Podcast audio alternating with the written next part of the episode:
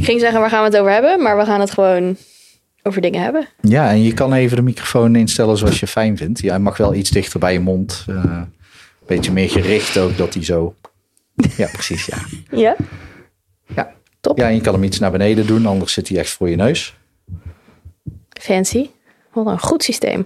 Ja, mooi niet hè? bewegen. Vooral niet tegenaan. Ik had laatst een podcast interview, die had ook zo'n ding. Ja. Alleen die stonden los op tafel. En ik praatte nogal met mijn handen. Dus die ging om. Oh, ja, dat gebeurde bij deze ook. Maar ik heb hier dus Je heel slim bij de Decathlon een zandzak gehaald. Anders gaat die hele tafel om. Ik heb heel die tafel al een keer om zien gaan met een glas erop. Oh, Dus een glas water hier overheen. Oh shit. Ja, Ja. dit is wel slim, ja. Ja, dus eh, maar steeds komen er, dat is interessant, want steeds komen er van die dingetjes bij. Dat ik denk, oh ja, ik haal gewoon even podcast. Haal even twee microfoons. Ja, nou ja, Ja. Dat, dat was het. En eh, ik zat daar richting het raam. Ja. En toen ging ik zitten en toen dacht ik, oké, twee microfoons als ik het ook nog wil filmen richting het Is raam. niet handig. Dat werkt niet. Dus omgedraaid. Maar dan heb je weer een hele andere opstelling. Gaat Ja. het met eh, klanten. Ja. Nou ja, normaal gesproken hebben ze tissues bij de hand. Die staan nu Die eigenlijk staan nu net te ver. net te ver weg. Dus ik heb nu vandaag zo'n kist eh, gehaald. Waar dit ook dan weer in kan. Slim. Ja, Wat een gedoe. Even, le- even een leuke podcastje maken. ja precies. Maar ja, zo gaat dat bij mij wel. 2600 jaar verder. En euro's waarschijnlijk. Nou ja, dat, nee, geen 2600 euro. Wel, wel eventjes verder, maar het is wel snel gefixt. Maar Ja. steeds loop je weer tegen dingen aan. Wat ik ook zei over die camera. Even cameraatje fixen. Ja, Ja. ja. Wat is die lamp die er... Is het een lamp? ja. Vet. ja, mooi hè? Ja. Ja, daar heeft nog nooit iemand iets over gezegd totdat we zo zijn gaan zitten. En mensen dus Niemand die... zag ooit die lamp. Nee, want normaal Zet je hem gesproken... wel eens aan? Ja, ja. Alleen nu met podcastopname is het eh, handiger om fellicht te hebben. Logisch. Maar in de sessie dan is die uit. Ja. Die zijn die twee lampen uit. Ja, en dan zet je die aan. Ja, het is een beetje gezellig hier. Ik wil ook nog een zoutlampje erbij. Leuk. Ja. Ja. Oké, dus. Waar gaan we het over hebben? Oh nee. Zijn we al, we zijn wel begonnen? Nou ja, dat weet ik niet, want eh, hij draait al. Hij neemt al op. Ja. Dus eh, we kunnen hem knippen daar waar we willen. Of niet? Of niet. Daarom. Of we zetten hem gewoon zo online. Ja, dat maar vind ik altijd kun wel jij nu zien of het geluid goed is? Ja, ik zie alleen maar rood. Ja, maar ik zie zo'n balkje gaan en die zegt soms rood, maar ik heb daar eh, geen last van. Ik heb hier ook nog een apparaatje zitten en daar slaat hij niet uit. Had jij nog Die niet had gezien. ik hè? nog niet gezien. Top secret. Ja, precies. Maar waar gaan we het over hebben? Nou, ik wil het vooral met jou eens eh, over iets hebben. Oh jee. Eh, nou ja, jij riep net al. Nou, ik zei, het is interessant. misschien het verschil tussen hoe vrouwen marketing doen en hoe mannen aan marketing doen. Nu gaan we daar over dat onderwerp aan zich nog een dwarsliggers de podcast opnemen. Eens. Of niet? Oh, wel eens. Ook- want ja, nee, je zei, daar eh, ja. gaan we het nog over hebben, Ja. over dwarsliggers. Ja. dus daar gaan we het nog over hebben. Ja. Maar toen zei jij, ja, ik doe volgens mij wel op een best mannelijke manier marketing. Klopt. Waarom denk je dat? Ehm, ik denk dat dat heel lang de norm is geweest, sowieso. Dat ik het zo geleerd heb ook. Ehm, en dat het ook wel oprecht tot nu toe, tot, tot een tijdje terug, ook wel goed bij mij paste. Bij de manier waarop ik zelf onderneem, denk ik. ik, ben, ik heb ook best wel wat. Mijn, mijn mannelijke kant is goed ontwikkeld. Laten we, laten we dat zo. eh, en eh, daar is, daar is niks mis mee. Ehm, dus ik denk dat het wel paste ook. En het is het, het- op de een of andere manier, ondernemerschap is heel lang heel mannelijk geweest. En dat verandert wel een beetje. Maar daarmee dus ook marketing, denk ik. Ja, en je zegt dat het toen vooral bij je paste. Ja, Eh, omdat je toen ook, misschien, eh, dat haal ik er dan uit, dat je toen nog meer mannelijke energie daarin Ja. stopte. Niet per Ja. se of dat je dat hebt, want ja, we hebben allemaal mannelijke, vrouwelijke energie die we op een bepaald moment in kunnen zetten. Dus daar kun je ook bewust voor kiezen. Mhm. Heel veel mensen doen dat onbewust. Deed jij dat toen al bewust? nee, dat denk ik niet. Ging gewoon onbewust en daar, omdat het bij je paste, deed je het op die manier. Ja. Ik denk niet, ik heb daar nooit, überhaupt nooit heel goed over nagedacht. Nee, dat deed, ik deed het gewoon. En dat pakte goed uit of niet. En dan deed ik weer iets anders. Ja, precies. En bedoel je erover nagedacht of dat het mannelijk of vrouwelijk was? Ja, of dat sowieso. En ook nooit per se heel goed nagedacht over mijn marketing. Nee, precies. Jij deed gewoon. Ik deed het gewoon, ja. Ja, ik vind het ook heel mooi. Ja. Want hoe jij dat ook doet eh, op, eh, op Instagram zie ik dat met name. Ja. Dat is omdat ik dat programma het meeste gebruik ook. Maar ja, jij bent heel erg kleurrijk. Nu Dank toevallig vandaag. Ja, eh, valt, eh, het valt iets mee. minder. Ja, sorry. Ja, nee, dat geeft niet. maar volgens mij ken ik jou van eh, dat jij toen roze ha- haar had. Ja, Paars haar. ongetwijfeld, ja. Ja. En toen blauw. En toen, eh, Al, al die kleuren ertussenin. Ja. ja klopt. Ja. Ja. ja. Ja, en, en nu ehm, ja, Niet. doe je dat. Nee, maar doe je dat vooral met kleding ook, Ja, hè? klopt. Dus jouw, Ja. jouw Instagram is ook heel erg kleurrijk. Nou, eh, ik vind het dus de laatste tijd een beetje... Ik heb voor het eerst een fotoshoot gedaan met branding kleuren. Hmm, Maar dat betekent dus dat mijn, mijn Instagram heeft nu drie kleuren. ja, Fucking saai. nee, dat is niet waar, want ik doe wel tussendoor. Maar je ziet wel echt de branding. Ik bedoel, de, de foto's die ik heb, het fotoshoot die ik heb gedaan in de branding kleuren. Mhm. Ja, die komen wel de hele tijd terug. ja, precies. Totdat ik een keer nieuwe foto's ga maken. Maar ja, die moeten dan ook in de branding kleuren. Want nou, iets minder, want deze staan nu op mijn website. Dus dat is oké. Maar ehm, ja, en dan nog, ik bedoel, mijn branding kleuren zijn rood en paars. Oh ja. Best kleurrijk. Ja, ja, In vergelijking met de meeste mensen. Daar ben ik me van bewust, ja. Ja, Ja, ja, dat is wel leuk. En, ehm, want dat valt me altijd op. Maar wat ik dan nog interessant vind, je zei net, oké, de laatste tijd is het misschien aan het shiften. ja. Dat je meer vrouwelijk aan het ondernemen bent, of Ja. marketing aan het doen bent, of alles. überhaupt, ja. vrouwelijk. Ja, Je, je voelt je ook vrouwelijker ja, daardoor. zeker. Of omdat je je vrouwelijker voelt, gebeurt dat? Ik denk dat dat, eh, hoe noem je dat? Met elkaar. Ja, ja, weet ik niet. Maar ik denk dat het eh, onlosmakelijk met elkaar verbonden is. Ja. Ja, maar ik merk wel. En niet eens, zo- ik zou het niet eens per se definiëren als, als mannelijk-vrouwelijk, maar meer, het, er zit wat meer zachtheid in. Hmm. Wat meer rust, wat meer geduld. ik, geduld, grapje. Ik weet niet Eh. of dat je, jullie het meekregen, maar ze zei eh, heel erg zacht het woord. Geduld. Ja. Ik denk dat je Ja. het wel hoorde. Ja, weet ik niet. Maar nee, dus er zit wat, er zit wat ehm, het, harde, het harde randje is er een beetje vanaf. Het is nog steeds wel scherp, hoop ik. En gevat, vind ik ook wel leuk. Maar het is, het is niet meer zo hard. Nee, Het hoeft ook niet meer zo hard. nee. Juist niet. interessant. Ja. Nee, ja. ja. Ja, en, en, en ehm, nu ben je sinds hoeveel maanden bezig met multimensen? 13 maanden. Jij vraagt maanden, ik moet echt rekenen. Nee, ik heb die keuze gemaakt januari, begin vorig jaar. Oké, ja. Ja, ja. 7 januari volgens mij. ik zit te denken of ik de datum nog weet. Maar in ieder geval januari 2022 is dat dus. Ja, want Ja. we leven nu in januari, Zag, februari zag je de 2023. kortsluiting? Wow, Ik ben ook Ja. heel, heel slecht in jaren. Ja. Dus het, het is je vergeven. En ik Nee. weet ook niet wanneer deze aflevering Maakt online komt. Ja, ik hoop niet 2024. Want dan... Nee, nee, nee. ik probeer ergens komende week. Leuk, ja. Ehm, maar dat is, de, toen ben je met multimensen gestart. En waar ik dan aan denk, ehm, oké, dat hele mannelijke is richting, is kiezen, Mm. is, Mhm. Nou ja, de, de, de pijl van het mannelijke Mhm. en de, hoe noem je dit? De omgekeerde pijl van het vrouwelijke, het ontvankelijke. Dat is veel breder natuurlijk. En ik dacht daar toevallig vandaag aan. Ik was natuurlijk een beetje over, aan nadenken over dat jij zou langskomen. Over dat multimensen eigenlijk ook een beetje het vrouwelijke heel erg representeert. In de zin van, ik zie vrouwelijkheid ook als eh, passie, maar Mhm. ook als oneindige potentie. Als waar schepping en creatie vandaan Mhm. komt. Maar ook als chaos en de wilde zee. ja. En om dat te stroomlijnen heb je juist mannelijke energie nodig. En, en omdat eh, dat goed werkt om te nichen, gaat iedereen dus inderdaad heel nauw ondernemen. Mhm. En jij denkt, ja, maar dat, daar stoppen we nou Gooi mee. shit Laten gewoon we open, ja. Ja. Kun je eens vertellen Wow. hoe je tot dat idee bent ja, gekomen? ik moet eerst even verwerken wat je, wat je net allemaal zei. Holy shit. Het is wel echt waar. Wauw. Ja. Fuck? Ja, nee, ik vind het, vind het zo... eh, deze keuze was zo voor de hand liggend voor mij... om met multimensen te gaan werken en om me op multimensen te richten. Hmm. En jij zegt, dus je doet, dat nu, je, je doet dat nu sinds begin vorig jaar. Eigenlijk waren ze er altijd. Mhm. En heb ik mijn kop ervoor een beetje voor in het zand gestoken, denk ik. Omdat ik dacht dat ik hele andere dingen te doen had. En op de een of andere manier, precies om al die redenen die jij zegt, die passie, dat creëren, dat, dat speelse, dat, dat het openen. ehm, dat is zo leuk. Het is zo leuk. het is echt fantastisch. Ja, maar dat, dat, ehm, dat is ook bij mezelf, heb ik het gevoel, heel erg gegroeid. Sinds dat ik dat überhaupt. Ik hoor heel vaak terug van mensen. Ik heb mezelf leren omarmen doordat jij die term hebt gecoind. Dat multimensen en dat je daarover praat. Maar dat geldt op de eerste plaats voor mezelf.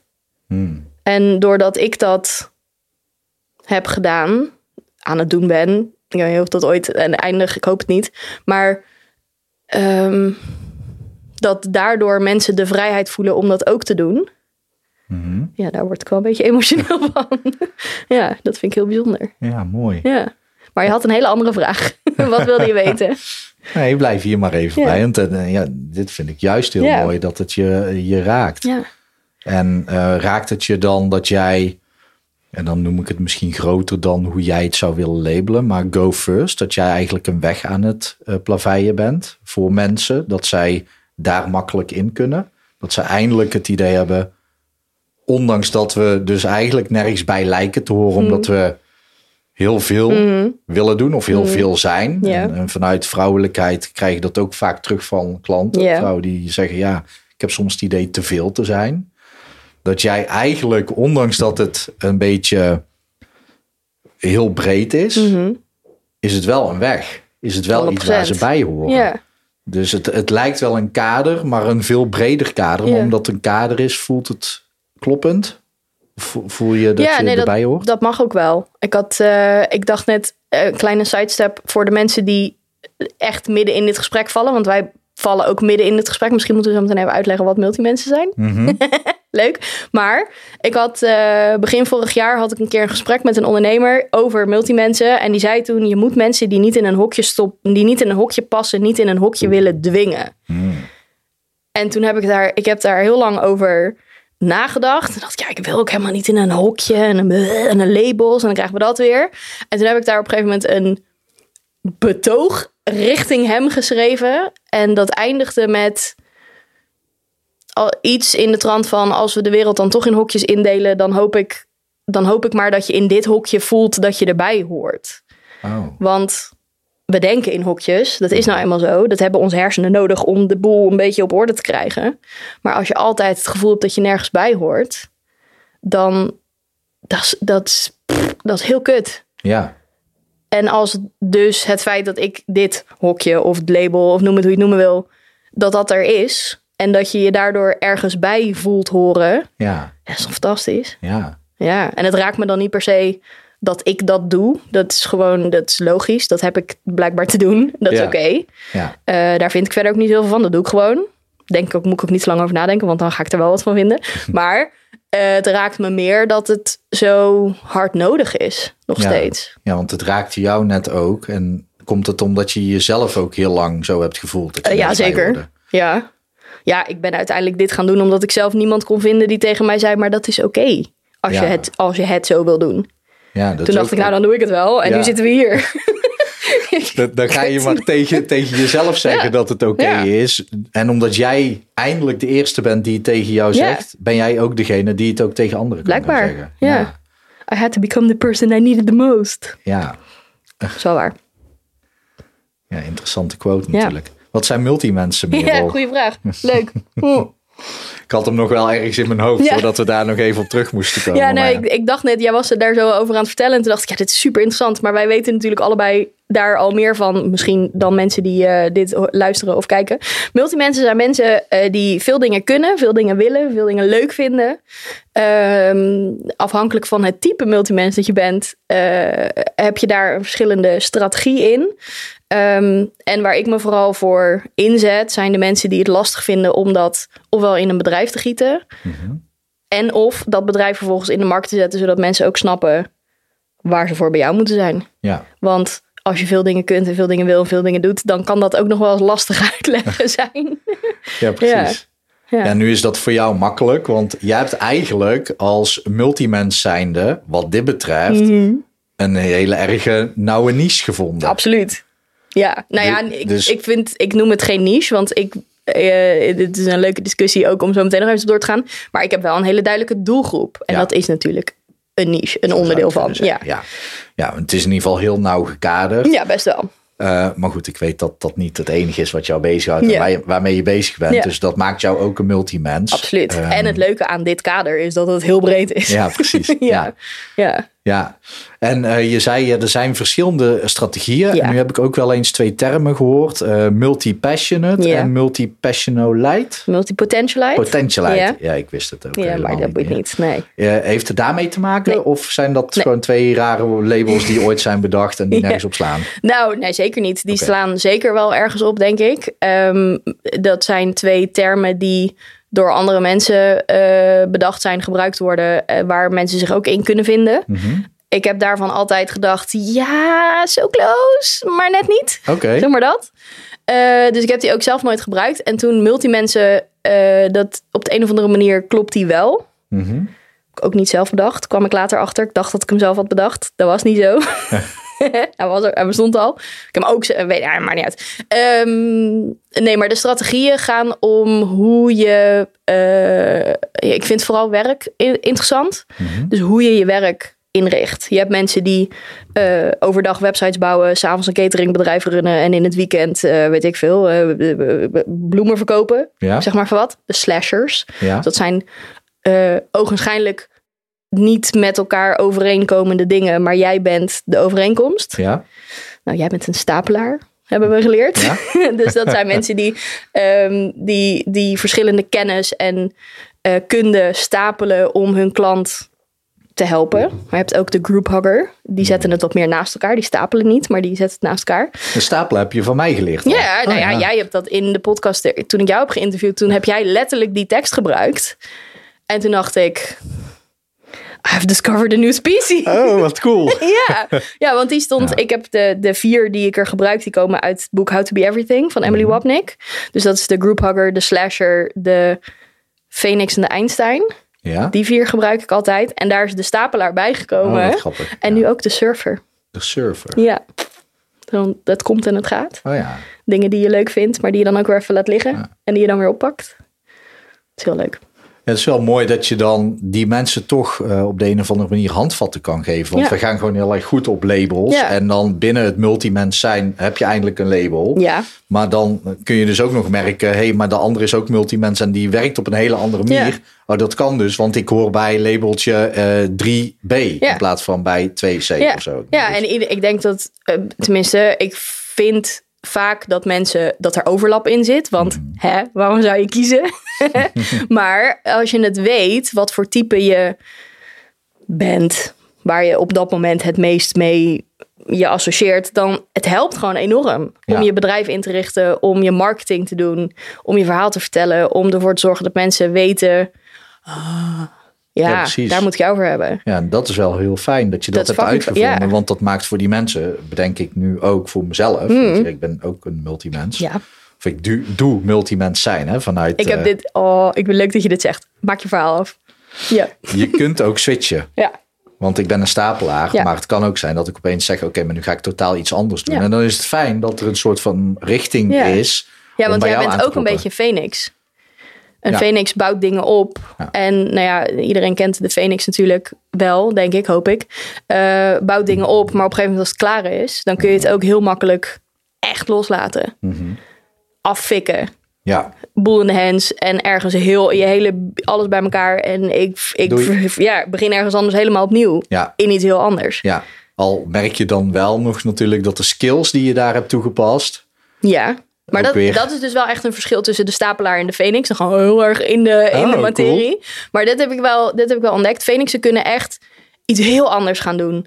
En dan boeit niet wat je hebt geleerd. Ik kan me daar niks bij voorstellen. Want ik neem ook wie ik ben en wat ik allemaal weet mee. Maar er zijn ook mensen die dat gewoon echt los kunnen laten.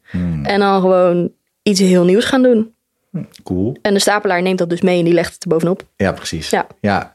Je ging net iets moois vertellen. Ja, nou, ik heb natuurlijk ook na zitten denken over waar gingen we het over hebben in de podcast. En toen schreef ik van de week schreef ik ook op het verschil tussen ik ben en ik doe. Ja, Maar dat ging over business coaching. ja. Ja, want daar heb ik ook nog steeds moeite mee.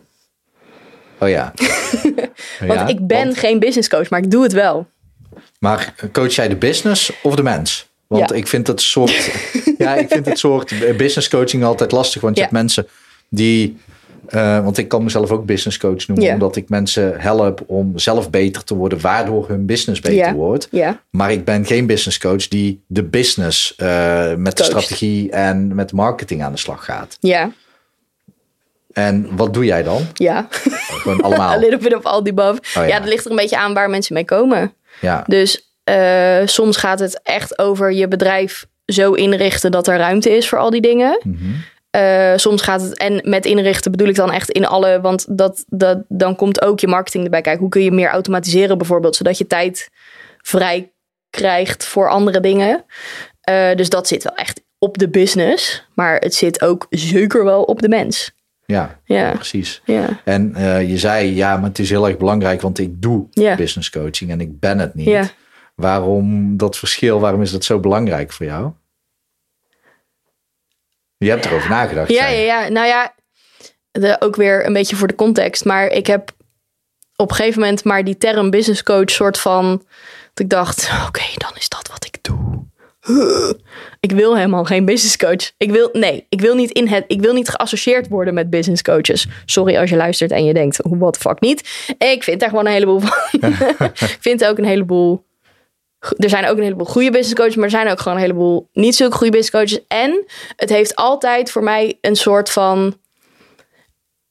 Het is een stukje van wat ik doe. Mhm. Maar ik doe ook marketing en ik doe ook eh, creatieve concepten. En ik doe ook, dus het is een deel van wat ik doe. Ja. Dus. Maar Ja. als ik zou zeggen, ik ben business coach, dan is dat. Dat dekt de lading gewoon niet. Nee, En ik ben het niet, ik doe het. ja. Wat Daar dus- moest, ik ineens, moest ik ineens aan denken toen ik dacht, jee, ik ga naar Paul. En toen schoot dat zo in mijn hoofd. en toen dacht ik, ja, dat vind jij leuk, want daar hebben we het natuurlijk vaak over gehad. Ja, precies. Omdat ik eigenlijk zou moeten zeggen dat je nooit iets bent. Want Ja, jezelf hoop ik. Maar zelfs dat is natuurlijk, ja, dat is veranderlijk. Ja. En ja, ja, ja, ja. Nee, ja, ik ben is gewoon heel, heel raar om te zeggen. Ik ben Ja. Merel is al een lastig label, want dat is gewoon een ouder. Meestal Ja. is er één dominante die ouder dat heeft bedacht. op je plakt. Ja, ja en, dan nog, als is het wel helpend. Ja. Want als iemand jou roept op straat, Merel, dan kijk jij handig, om. ja. Dat is handig. ja, Dus maar als iemand op straat business coach roept, dan mij niet bellen. dan kijk ik Er zijn er waarschijnlijk wel tien anderen die Ja, daarom, maar ja. dat is het probleem, denk ik. Ja, Maar nee, dat maar, is interessant, want, want jij vindt daar iets van. En naar mijn idee heb jij dat bij andere labels ook. En is dat dan omdat... Vind jij dat, dat mensen labels aan zichzelf mogen geven... of dat ze het horen te verdienen? Oeh, interesting. Nou, hmm. Hmm. Hmm. leuk. Ehm, ik ben dus op een gegeven moment business coach gaan gebruiken. Omdat andere mensen mij zo noemden. Mhm. Als mensen dan zeiden, ah, dit is mijn business coach. Dan dacht ik, ja, oké, prima. Als dat is hoe ik over, ah, weet ik niet, overkom is niet het goede woord. Maar als dat is hoe jij omschrijft wat ik voor jou doe, prima, kan ik Ja. mee leven. Ehm, moet je labels nou, verdienen sowieso niet. Nou, ik vind dat je ze ook wel zelf mag. Als jij vindt dat je business coach bent, of eh, weet ik veel, whatever. Waarom niet? En wat maakt dan dat jij daar dan iets van vindt? Omdat ik overal iets van vind. Het is heel irritante eigenschap soms. Ehm, nou, ik denk dat business coaching is natuurlijk überhaupt coaching. een redelijk vrij beroep. Mhm. Hoef je technisch gezien niks voor te... Het is niet waar. Je hoeft er niks voor te kunnen. Maar je, je kunt... eh, ik, ik heb ook een bordje op de, op de deur gehangen. Zonder dat ik daar mijn diploma voor heb gehaald. Ja, Dat mag Ja. als coach. ja. Dat betekent ook dat er heel veel cowboys zijn die dat ook doen, waar echt wel shady business plaatsvindt, denk ik. Wat bedoel je dan met shady business? Ik Nou, kan het het wel invullen, maar... Ja, nou ja, ik denk dat het best wel, zeker als je, als je het hebt over business en over geld verdienen en over kwetsbaar zijn en over marketing en over jezelf in de markt gooien. En in coaching in het algemeen is natuurlijk best wel kwetsbaar als je je laat coachen. Mhm. als je dat een beetje leuk wil doen, dan dit kan ook wel gevaarlijk zijn, denk ik. Dat je verkeerde adviezen krijgt of dat je dingen gaat doen waar die eigenlijk helemaal niet bij je passen, maar omdat je coach vindt dat het op een bepaalde manier moet. Ja. En ik denk dat dat ook wel is waarom ik veel business coaches. Oh, ga ik dit hardop zeggen? Ja, ik ga het hardop zeggen. Nee, dat, ehm, het kan eruit nog uitgeknipt worden, toch? Ehm, ik denk dat veel business coaches waar ik een waar ik wat van vind, Mhm. die hebben een methode bedacht. En die vertellen jou dat als je die methode maar net precies zo doet zoals zij dat hebben gedaan, dan word je net zo succesvol als dat zij zijn. Hm. Ik geloof daar gewoon niet in. En, en dan gaat dat met name om business coaches die vertellen dat ze die methode moeten volgen die zij hebben gevolgd. Ja. Alleen zij, zij gebruiken die methode om jou als klant te krijgen. Mhm. Maar zelf hebben ze naast die klanten die ze op die manier Mhm. krijgen, nooit een succesvolle business gedraaid. Nou, dat maakt me niet eens. Als, al heb je wel een succesvolle business gedraaid, dat is prima. Maar Mhm. al ga ik, als jij tegen mij zegt, je moet stap, deze stappen zetten, precies Ja. zoals ik ze heb gezet, Mhm. dan kom je op hetzelfde punt als waar ik kom. Dat kan toch niet? Nee, nee. Want ik ben een ander persoon. Ik heb misschien wel Ja. andere klanten. Ten- het maakt niet, zelfs heb ik dezelfde klanten. Zelfs ga ik echt exact hetzelfde doen. Mhm. There's no way. Nee. Want ik ben een ander persoon. nee. En ik doe dat altijd, hoop ik, dat mensen dat dan doen. Uit eh, hoe ik het... Het werkt niet als ik het kopieer. Denk ik. Ja, misschien niet voor iedereen. Voor sommigen wel die binnen een bepaald ook. Ja, kader precies. passen. hè? Ja, ja, dus dat is gewoon de one-trick pony. basically. Ja. En dan kun je nog steeds heel veel tricks hebben en deze methode hanteren. Maar als ik business coach, mensen coach die een business hebben, dan het gaat niet om mij. Het gaat niet om wat ik gedaan heb, kan. Ja, tuurlijk, mijn, de dingen die ik weet, die ik meeneem in hoe ik, maar het gaat om jou. Waar wil jij naartoe? Ja, En hoe kan ik mezelf een soort van in dienst stellen van ja. dat proces? Ja. Maar ik ga jou niet vertellen hoe je het moet doen. Nee, dus dan, maar dan val je met name over het woord business coach. Want de coach is degene die op die manier eh, volgens jou het werk zou gaan. En anders zou het gewoon iemand zijn die gewoon een strategie verkoopt. hey, deze strategie Ja, heeft mij het. Eh, wil je deze strategie ook leren? Ja. misschien is dat het wel. Is dat een goed onderscheid? Ja. Ja. En eh, omdat ze het anders noemen. ja. En daarmee dus ook... ehm, De naam vervuilen. Nee, nee, ja, ja, dat is een lastig iets natuurlijk. dat is ook onzin. Nou ja, je zei net wel ook dat er eh, de helft van de business coaches is goed. Of er zijn Mhm. heel veel goede business coaches en heel veel niet goede. Ik vraag me dat af hoeveel echt goede business coaches er enough. zijn. Ja. En dan ook, ja, wat is ook relatief. Ja, precies. Wat, wanneer is iemand wel goed? Ja, Want als ik niet zo goed zou zijn, maar iemand wel ergens heel erg mee kan helpen, ja, dan ben ik voor die persoon wel op dat moment precies wat je nodig hebt. Ja. Bijvoorbeeld. ja, dus alleen de, de term business coach is eigenlijk Is niks zeggend. Nee, zegt Want het niks. is dan eerder een business coach voor startende ondernemers op het, eh, in het... eh, Lekker In niche. Maar eh, specifieker, nog specifieker. Lekker niche. Doe ja, maar. maar dan zou het wel kloppen voor jou. Ja, misschien, weet ik niet. Misschien wel. Mits diegene jou ook op die manier behandelt, dan bedoel je dat? Jou ziet als mens in plaats van als... Dat is vooral, ja. Ja. Ja. Dus het woord mens in multimens is voor Oh. jou heel belangrijk. Oh, zo had ik er nog nooit over nagedacht. is wel waar, ja. Ja. Ja, ik denk ook dat... Ja, dat, dat vroeg je helemaal niet, maar het is wel leuk om eventjes te benoemen. Ik denk dat mensen aan zich... Aan zich eh, mensen vragen wel eens, is iedereen een multimens? Of zijn we niet allemaal multimensen? Ja, 100%. Al, het feit alleen al dat je mens bent... en dus verschillende rollen hebt... en zeker als je eh, ook nog thuis, gezin... dat soort situaties erbij hebt... iedereen is een multimens. Ja, Alleen de vraag is, ben je dat, nou ja, waar ik me dan op richt, zijn de mensen die dat binnen hun werk ook heel graag willen zijn.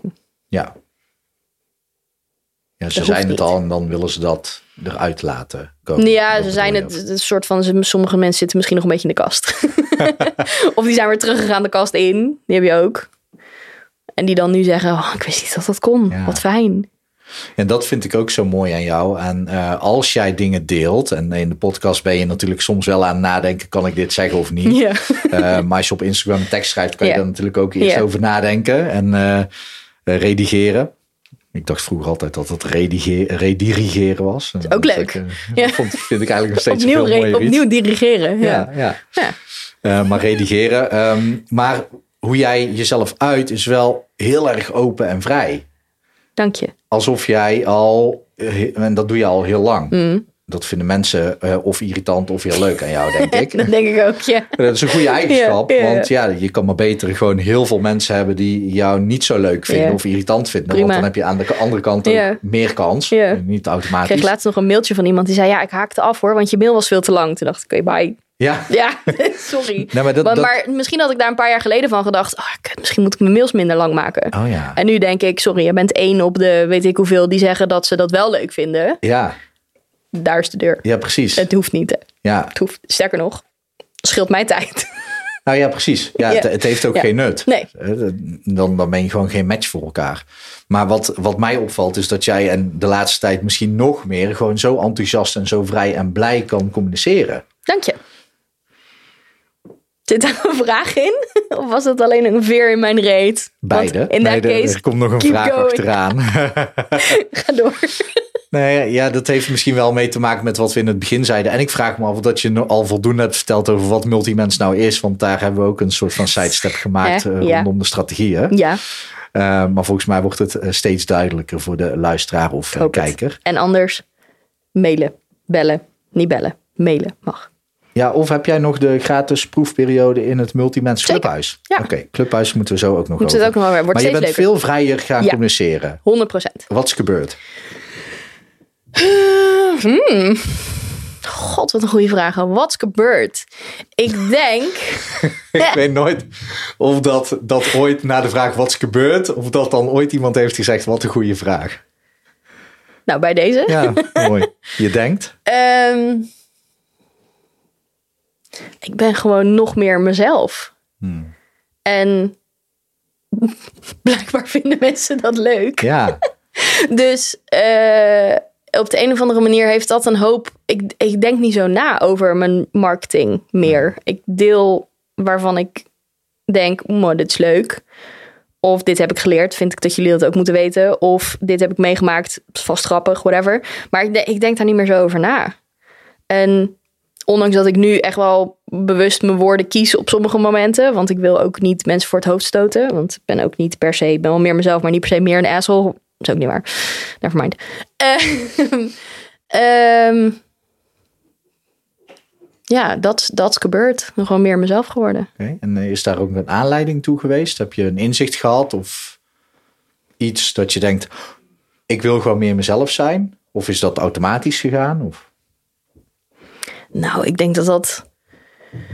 Wij, gaan, wij gaan way back, maar dat dat eigenlijk altijd wel een soort zoektocht is geweest. Die onder alles zat.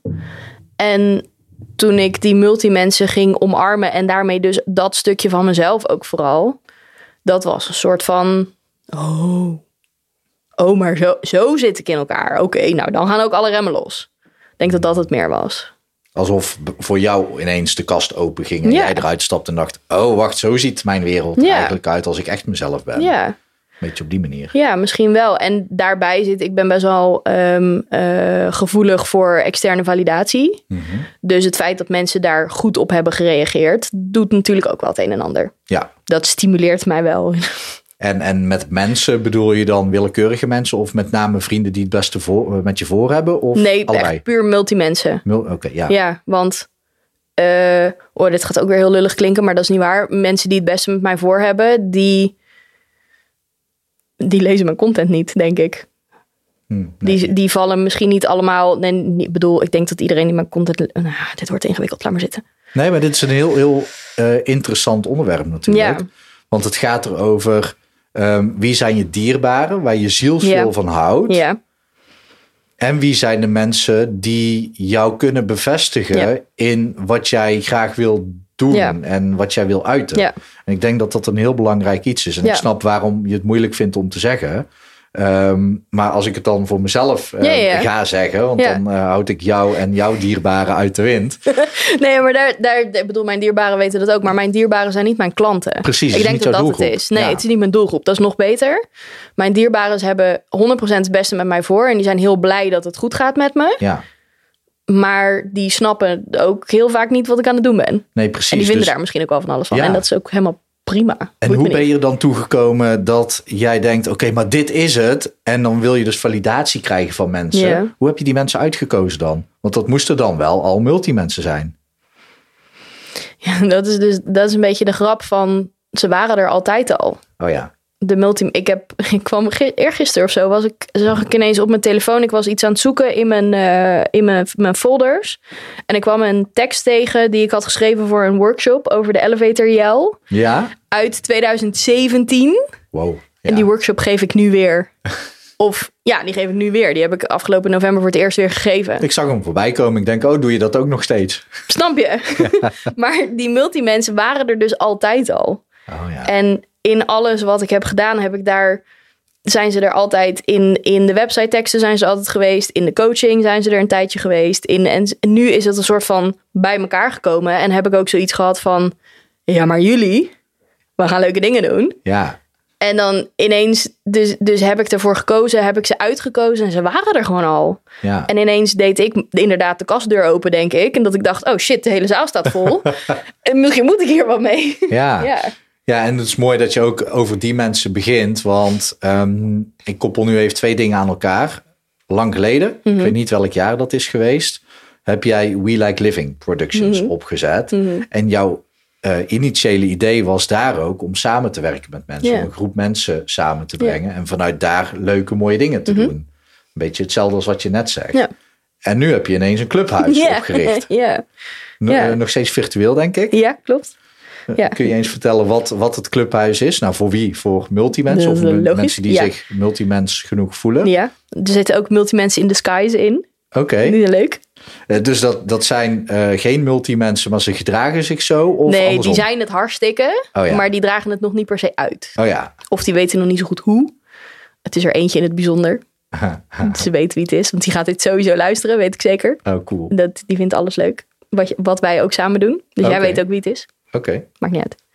Ehm, ik weet dan ook wie het is Ja. inderdaad. Maar goed, ja. Leuk. Nee, het clubhuis is een digitaal, eh, digitaal clubhuis. Een ontmoetingsplek. Ik zeg altijd, het is een Facebookgroep, maar dan niet op Facebook. Want ik wilde per se niet op Facebook. Ehm, waar we eh, samenkomen, elkaar ontmoeten, van elkaar leren, met elkaar leren, met elkaar samenwerken. eh, op alle mogelijke manieren. Het is gewoon fantastisch. het wordt ook steeds leuker. Ik ben nu weer met een, met een, eh, een eh, verbeteringsslag bezig. Ik, ik zag iets echt, voorbij komen. ja. is nog, nog secret, hè? Nou, nee, niet per se hoor. Ik ben eh, sowieso bezig met een affiliate programma. Oh ja. Dat komt er volgende week, als het goed is, komt dat eraan. En gewoon het hele onboarding proces moest even wat beter. En ik wil zorgen dat de engagement omhoog gaat, dat soort dingen. Dus het, eh, nee, work in progress. Ja, Want het moet wel ook, ehm, vind ik, iets bijdragen voor mensen. ja, Je moet, er- dit is, je moet er graag willen zijn. Dat wil ik ja. neerzetten. Wat zei je? Dat wil ik neerzetten. Dat wil je neerzetten, ja. Ja, want nu heb je, je hebt het gewoon neergezet. Ja, En vanuit daar zeg jij, oké, dan gaan we het verbeteren. Ja. Dat is ook mooi. Ja. Sommige mensen die denken jaren erover na. Ja. En die komen er dan achter dat er al vier mensen hen voor zijn geweest om het op Ja. te zetten. En ja ik, het soms denk ik. eh, nou, ik- ja, ik heb dit eind vorig jaar gedacht. Want ik heb daarvoor ook een concept gelanceerd. En We Like Living was natuurlijk ook een los concept. Mhm. Ehm, wat het allemaal dan net niet werd of zo. Mhm. En eind vorig jaar had ik ook een beetje zo'n dipje met het clubhuis. En dacht ik, ja, maar dit gaat me niet gebeuren. Ik ga niet nog een keer zeggen, ja, tof dat ik het heb gedaan. Het werd net niet, dus ik trek de stekker er weer uit. Dus ik ga gewoon double down, alles, alle, alle remmen los. Het moet gewoon, niet per se het moet, maar ik wil dit zo graag een succes worden, laten worden. Nog veel meer dan dat ik ooit iets een succes heb willen laten worden. Dat is interessant. Ja. En, en heel cool. Ja, Ik voel de ook energie. Ja. Ja, maar het is ook interessant, want eh, Ja. je, je gedraagt je bijna volgens mij dan, ik ben geen expert natuurlijk, als eh, Phoenix. Je hebt het opgezet en Mhm. denkt, oh laat maar. Klopt. Eh, maar nu zeg je niet, nee laat maar, want Nee. dit is gewoon een briljant idee. En Fucking goed. ja, Ja. Nou, ja mee eens. Ja, Ja, echt Ja, geweldig. Dus nu maak je een soort van doorstart. Dus heb je eigenlijk een soort van katalysator nodig om weer een eh, injectie te geven. En ehm, ja, dan ben je nu dus alles op alles aan het zetten daarvoor. nou, dat klinkt alsof ik heel hard moet werken. Dat valt best mee. Oké. Maar wel een beetje. Wel Oh. iets meer mannelijke energie dan dat ik vorig jaar, eind vorig jaar erin heb gestopt. Oh ja. ja. Heeft dat dan, dan ook mee te maken? De- dat je een multimens bent die de ene keer heel veel geeft en de andere keer even terugzakt? Dat heeft denk ik eerder met human design te maken. Oké. waar ik absoluut niks van weet. Oké. maar ik weet toevallig dat dit in mijn human design zit. Dat ik eh, inderdaad met vlagen energie werk. Mhm. eh, en soms me even terug moet trekken. Dus dat, ehm, ik weet niet of dat per se. Oh, dit is zo, dit is zo. Ik was vanochtend een podcast aan het luisteren over astrologie. Ja. En daar hoorde ik ook weer dingen in dat ik dacht, oh, overlap. Maar dat, ja, Overlap tussen astrologie en human design? Of, ook. eh, En, multimensen? astrologie en multimensen. Of Oh, dat, ja. En ik krijg ook wel eens de vraag van mensen die veel doen met human design. Zijn er, is er een, een grote groep, eh, bijvoorbeeld eh, manifestors? Dat, dat, Zijn dat toevallig allemaal multimensen? Oh, Ja. veel wel. Ja. Maar zijn alle multimensen manifestors? Nee. Hmm. En ook niet alle manifestors zijn multimensen. Maar goed, wel veel. Dus wel interessant. ja. Waarom hebben we het over human design? nou ja, omdat ik vroeg eh, hoe gaat het, eh, hoe, Oh ja. hoe is dat Ja. dat jij de ene keer wel en heeft dat met multimensen te maken. Ja. Maar ik vraag me nu wel af, nu je het ook over astrologie hebt en human design en multimensen. Mm. En binnen multimensen heb je dan al vijf, zes categorieën? Nee, ik zes? nu op zes, ja. Zes, ja. Ehm, denk jij dat het mensen helpt en zo ja, op wat voor manier? Ehm, dat ze toch een bepaald labeltje krijgen. Ja, 100%. En niet als. Eh, Oké, laat ik hier ook weer even een- een context voor gebruiken. Ik denk dat het. ehm, ik, heb me eind, ik heb me vorig jaar heel erg verdiept in ADHD. Omdat iemand tegen me zei: Jij hebt toch sowieso ADHD? En toen dacht ik: Ik ADHD? Hm. Daar vond ik van alles van. Dat ik dat labeltje kreeg. En toen heb ik het ook met mijn ouders over gehad. En die zeiden: Ja, we hebben je nooit laten testen. Want dan heb je een label. En dan dan weten mensen dat ook. En voor mij was het toen ik daar, me daar eenmaal in ging verdiepen. Even, ik weet nog steeds niet of ik het officieel heb of niet, maar denk wel. Ehm, het is niet een. eh, het is een verklaring voor dingen. Mhm. En hetzelfde geldt met het label multimens. Of het als je je kan vinden in je human design of in je astrologie, in je whatever, in je chart.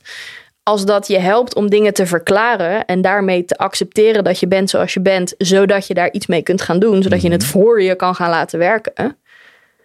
Eh, dan denk ik absoluut dat we labels nodig hebben. Hmm. Ja, En dan met name vanwege acceptatie en actie. ja. Dat pas als je het accepteert, dat je eigenlijk stopt met zoeken, start met zijn. ja. ja. Waarom moet je zo lachen, Merel? Nou, dat je deze altijd in gesprekken met jou terug naar boven komt. En dan denk ik, oh ja, dan ging ik ook nog wel binnen. Vind ik leuk, ja. Ja, ik, eh, eh, ik, ik bedenk dat ook niet vooraf. Hè. Ik, heb Nee, echt, ik. ik heb helemaal niks voorbereid Nee, of zo. same, ik ook. Maar start met zoeken. eh, nee, of andersom. Stop, met zoeken, start met zijn. Ja, want Ja. Je, je stopt opeens met zoeken van, ja, wie ben ik nou? Ja. En opeens denk je, oh ja, maar dit ben ik. Ja. Nou, dan leg ik me daar maar bij neer. Ja.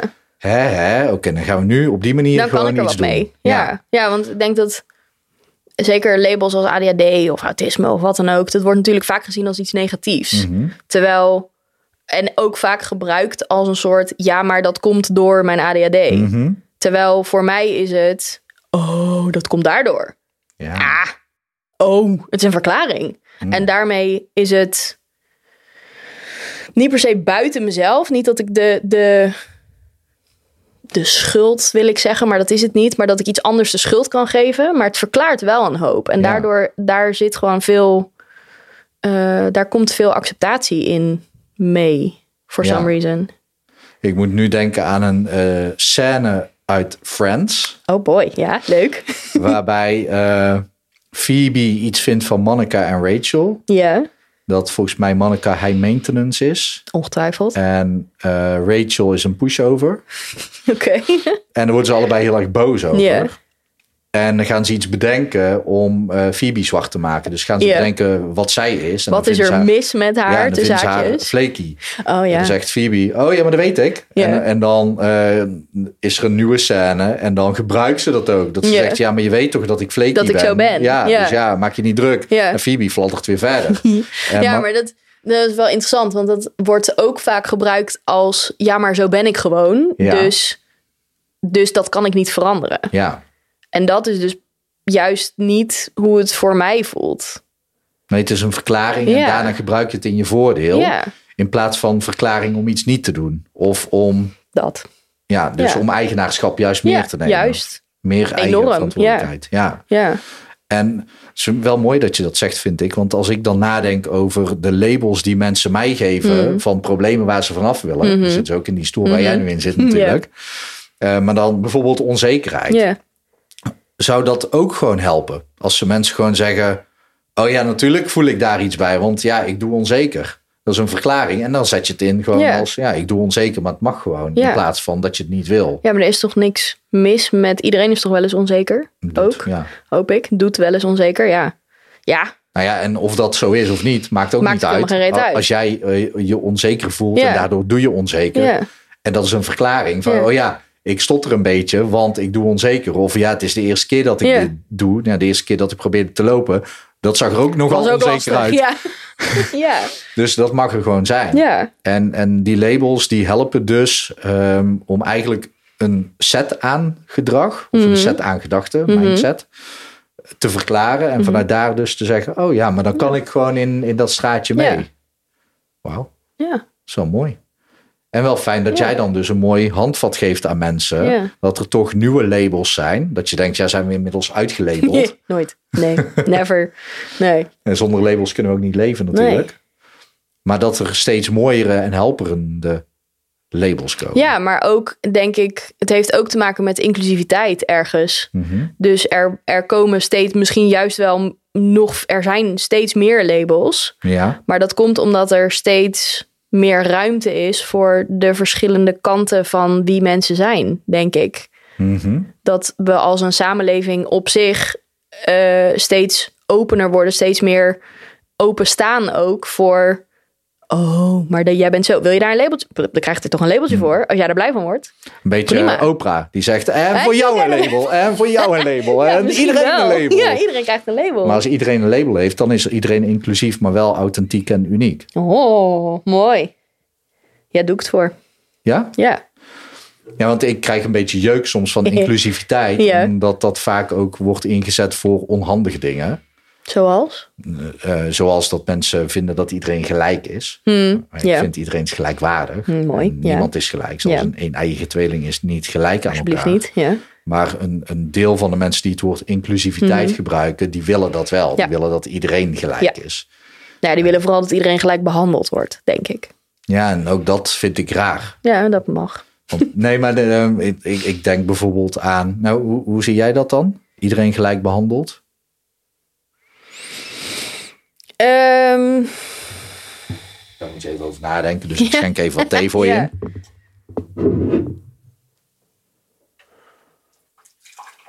ik wacht al tot je klaar bent. Lekker.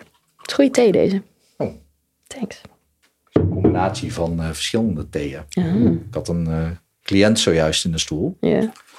En ik kreeg de ene thee en ik had zin in de andere, maar er zat nog in. Ik denk, nou, dan gooi ik ze gewoon lekker samen. En ze konden ook wel. Ja. ja, pakt er goed uit. Ja. Ja. Je krijgt hem niet helemaal vol, want anders blijf ik schenken. Nee, maakt niet eh, uit. mensen zitten op een antwoord te wachten. Weet jij het zelf al? Nou, ik vind het, eh, ik vind het lastig. Ik denk dat het, het iedereen gelijk willen behandelen, dat dat een heel mooi streven is. Mhm. En dat er nog een heleboel dingen in de samenleving zijn op te lossen voordat we dat kunnen gaan doen. Hmm, ja. Nou ja, ik denk sowieso dat, dat mensen vaker mogen nadenken over wat ze daadwerkelijk bedoelen. Ja.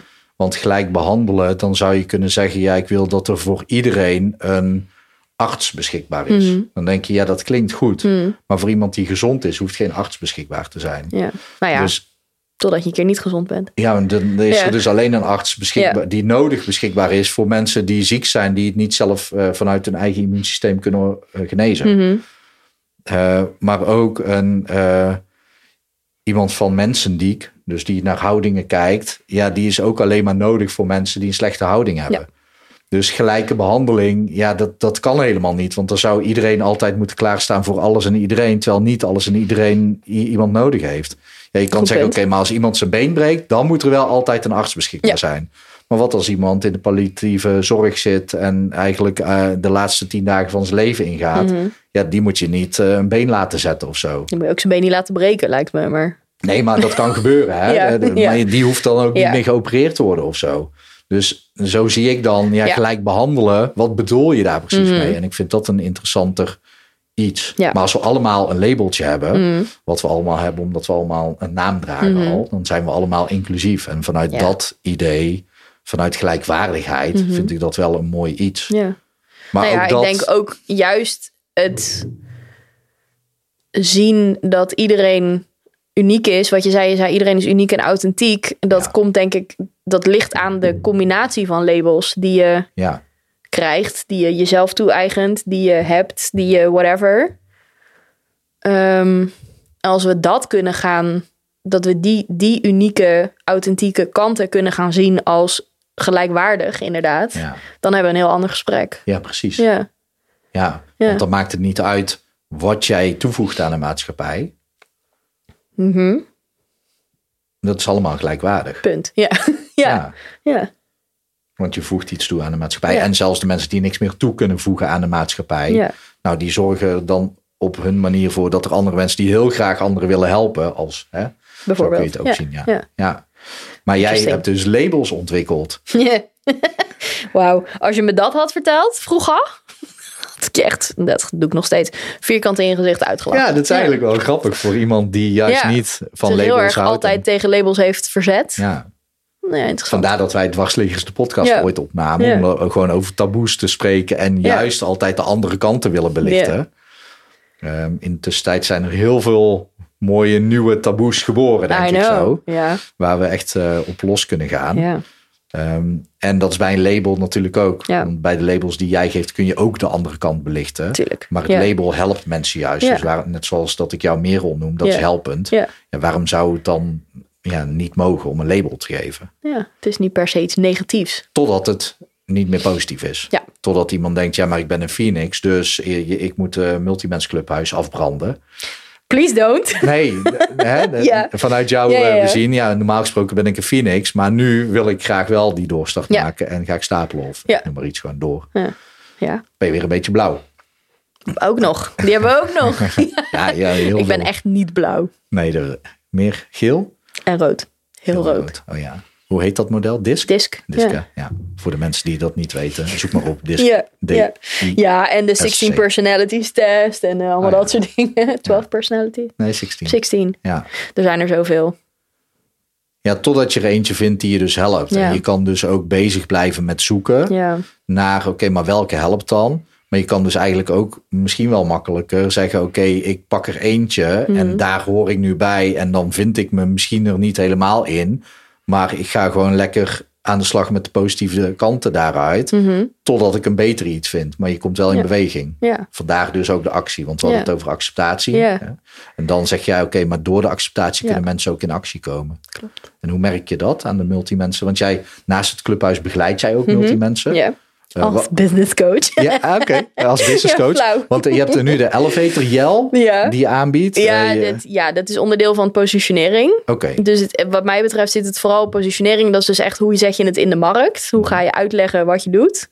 eh, in je teksten, in je elevator yell, in je alles. ja. Ehm, en het stukje business. Hoe zorg je ervoor dat er ruimte is voor al die dingen die je wil doen. Hmm. En dat heeft ook weer met elkaar te maken. Want positionering en business kunnen niet andersom. Business en heeft, alles heeft positionering. Nou, positionering is alles. ja. Zonder positie in de markt, dan ben je nergens. Dan, Dus dan besta je niet, volgens mij. Vanaf Dus, het moment dat je één klant hebt, heb je al een positie. precies, Ja. ja. Wat was de vraag? Wat bied je allemaal aan? Oh ja. Want je hebt het clubhuis, je hebt Ja. eh, de elevator maar dat is onderdeel van de positionering. Ja. Maar wat, wat is de Nou, positionering? De positionering, die heb ik eh eergisteren bedacht. Dus dit is de eerste keer, dat, dat is niet waar. Ik heb hem gisteren afgekocht. Ehm, ik wil heel graag, ja, thanks. Ik, ehm, eh, ik wil heel graag drie maanden trajecten gaan doen Ja? voor multimensen die een fantastisch idee hebben. Ja. Of een geniaal bedrijf. Of een zichzelf in de markt willen zetten, mag ook. Mhm. Maar het vooral, dat gaat echt over het hoe zet ik het in de markt. Mhm. En dat kan gaan over sales, dat kan gaan over marketing, dat kan gaan, maar dat is een snelkookpan. Mhm. Drie maanden lang rammen. Maakt niet uit. Ik ga je e-mails wel schrijven als je daar tegenaan, als je daar tegenaan hikt en daardoor kom je niet in de markt. Wil ik graag dat het er komt. Dat. Eh, en daarnaast heb ik een zes maanden traject wat echt gaat over het opnieuw inrichten van je business. Welke klanten wil je aantrekken? Hoe ziet je aanbod eruit? Wat is je verdienmodel? Eh, en in principe staat dat allemaal al als je een positionering traject ingaat. Oké, ja. Dan weet je dat allemaal al. Ja. Dan heb je al een product en je hebt al een dienst en je weet al wat je wil aanbieden en je weet wie je mensen zijn. Ja. Dus dat is een beetje het verschil. Ja. Oké, interessant. Dus Ja. eh, die dingen, ja. en? Ja, en nou ja, en de elevator yell is dus onderdeel van. Ik heb vorig jaar de positioneringsworkshop gegeven. Dat Ja. was een eendaagse. Ik ben nog een beetje aan het stoeien met hoe die dit jaar terugkomt. Maar daarin is wel de bedoeling dat je antwoord kunt geven in één zin, dus in een elevator yell, Mhm. eh, op de vraag waarom moeten mensen bij jou zijn. Ja, ja want eh, de elevator yell is natuurlijk afgeleid van de elevator pitch, waar je meestal drie minuten hebt. Klopt. Ik weet niet waar dat vandaan komt, want hier in niet. Nederland hebben we echt nooit liften van drie minuten. Ik heb überhaupt nooit in een lift hier in Nederland. dat- ik weet niet nee, wat dat bij jou zit, maar nee. vaak niet. Nee, de, in principe is de yell is zeg maar één verdieping Oh ja, en de pitch is voor iets langer. oké. Ja. Dus je moet in één zin kunnen antwoord geven op de vraag wie, waarom, wat, hoe enzovoort. In één zin. Als het kan. Kun jij dat? Nee. Echt niet? Nee, volgens mij niet. Kun jij in één zin antwoord geven op de vraag waarom mensen bij jou komen? Nee. Probeer eens. Vind ik leuk. Nee, ja, momenteel niet. Vooral nu ik eh, in een shift zit, is dat eh, voor mij echt zoeken. Ja. Eh, en ik weet al dat soort dingen, maar mijn marketing is ook nooit heel erg duidelijk gekaderd geweest. En ik doe soms ook dingen omdat ik weet dat consistentie beter werkt Mhm. dan ja, precies het juiste doen. Kwantiteit over kwaliteit. Ehm, ja, op zit wel altijd wel, kwaliteit in, denk qua- ik, Qua maar- marketing Ja, dan, hè? Eh, ja. Want mijn sessies kwaliteit. Tuurlijk. Maar ook inhoudelijk marketing gezien zit er altijd kwaliteit in bij jou. Je, je post Ja. geen poep. Nee, precies. Maar Nee. soms is het een beetje meer die kant op dan dat je misschien waar je mee Nou ja, bezig bent. heel simpel. Ik wist gewoon dat het eh, voor mijn Instagram bijvoorbeeld heel slim is om om de zoveel tijd een foto van mezelf te plaatsen. Dat deed ik niet, want ik had gewoon weinig tijd. En ik was gewoon standaard quotes aan het posten. En dan vind ik dat belangrijker dat die consistentie erin zit. Dan dat ik helemaal ga nadenken over oké, hoe kan ik elke drie dagen een foto Een van foto mezelf. van mijn hoofd. Ja, een foto van mijn hoofd inderdaad. Ja. Want dan krijg je dat ja wel een Dat vinden mensen van, leuk, hè? Ja, van twee hoeken en dan heb je het wel gehad. Dat is natuurlijk niet zo, want gaat met de Weer goede fotograaf. paarse jurk. Oh nee, andersom, ja. Ga maar met de goede fotograaf Ja. eh, naar een mooie plek. En je hebt zo eh, twintig foto's. Ja. Dan kan je weer eh, drie weken vooruit of zo. maar This is sad because it's true. ja. ja, dat is Ja. nada. Niet als je om de drie dagen post. Maar dan, dan kies ik meer voor consistentie. En zo heb ik dat eigenlijk altijd met mijn business gedaan. Dat ik soms gewoon kies voor, oké, iedereen spreekt over een niche. Maar ik kon hem gewoon niet vinden. Mm. En ik wist gewoon, oké, deze landingspagina werkt. Mhm. Ik zei eh, altijd uh, naar hypnopal.nl. Die heb ik dus bij jou getoetst. Mhm. Toen ik dat ooit eh, Ja. riep. Dat ik eh, hypnotherapie studeerde Daar en iets hypnotherapeut doen. werd. Toen riep ik een keer bij jou hypnopal.nl. En toen zei, werd jij heel enthousiast. Ja, moet je doen. En dat heeft mij toen overgehaald om die naam ook aan te nemen. Totdat... eh, You're welcome. ja, nee, echt super, super blij mee. Want het, het, het haakt, of het werkt gewoon. En op die website heb ik gewoon geluisterd naar Tibor. Mhm. Die zichzelf wel echt business coach noemt. Die coacht ook echt business. Eh, Echt op een goede manier, vind ik. Ehm, en hij zegt, ja, je moet gewoon een bouwde uitspraak doen bovenaan je website. En dat is natuurlijk het makkelijkste gericht op je niche. Maar ik heb gewoon een, een bouwde uitspraak gedaan. Mhm. Eh, in drie sessies van je trauma af. En eh, effectiever dan de GGZ. Bout, ja. Ja, Love maar it. het werkte. Eh, Is dat heel erg niche en is dat heel erg doelgroep? Eh, een beetje. Eh, maar dat was Ja. dan mijn ja, ding. En Ja. op het moment als ik dan zeg, ik, ik doe hypnotherapie. Ja. Nou, als ik die twee zinnen combineer met hypnotherapie, dan gaan mensen wel eh, geïnteresseerd luisteren. Ja. Want dat is natuurlijk het doel van een elevator yell. Ja, maar dan, is, dan wat zou jouw elevator jou toch zijn... Ik help je in drie sessies van je, van je trauma af. Ja, toen wel. Of zo. Ja, maar, precies. Maar nu heb ik inmiddels eh, ik. Ja. van Edwin Slij, Ja. van mijn mentor, de naam hypnomaster.nl Ja. gekregen. Want hypnopal.nl was te klein. Ja. Snap ik? Daar groeide je uit. Daar Ja. groei ik uit. Hypnomaster.nl heeft mooi. potentie om weer Ja. verder te groeien. En vanuit daar help ik ondernemers. Mhm. Ook van hun trauma's af. Maar ook doordat ze dan van blokkades afkomen, gaan ze natuurlijk Sky high met de business. sky high met de business. Ja. En dan komen ze weer op nieuwe punten. Dat ze denken, oké, maar ik wil deze skills ontwikkelen, die skills ontwikkelen. En die blokkades oplossen. Mhm. En daar heb ik nooit nagedacht over een eh, Belofte. pitch. Ja. Ja, of een belofte. Ja. Dus ik heb laatst pas mijn, eh, eh, die pagina ook even herschreven, want die, die converteerde totaal niet.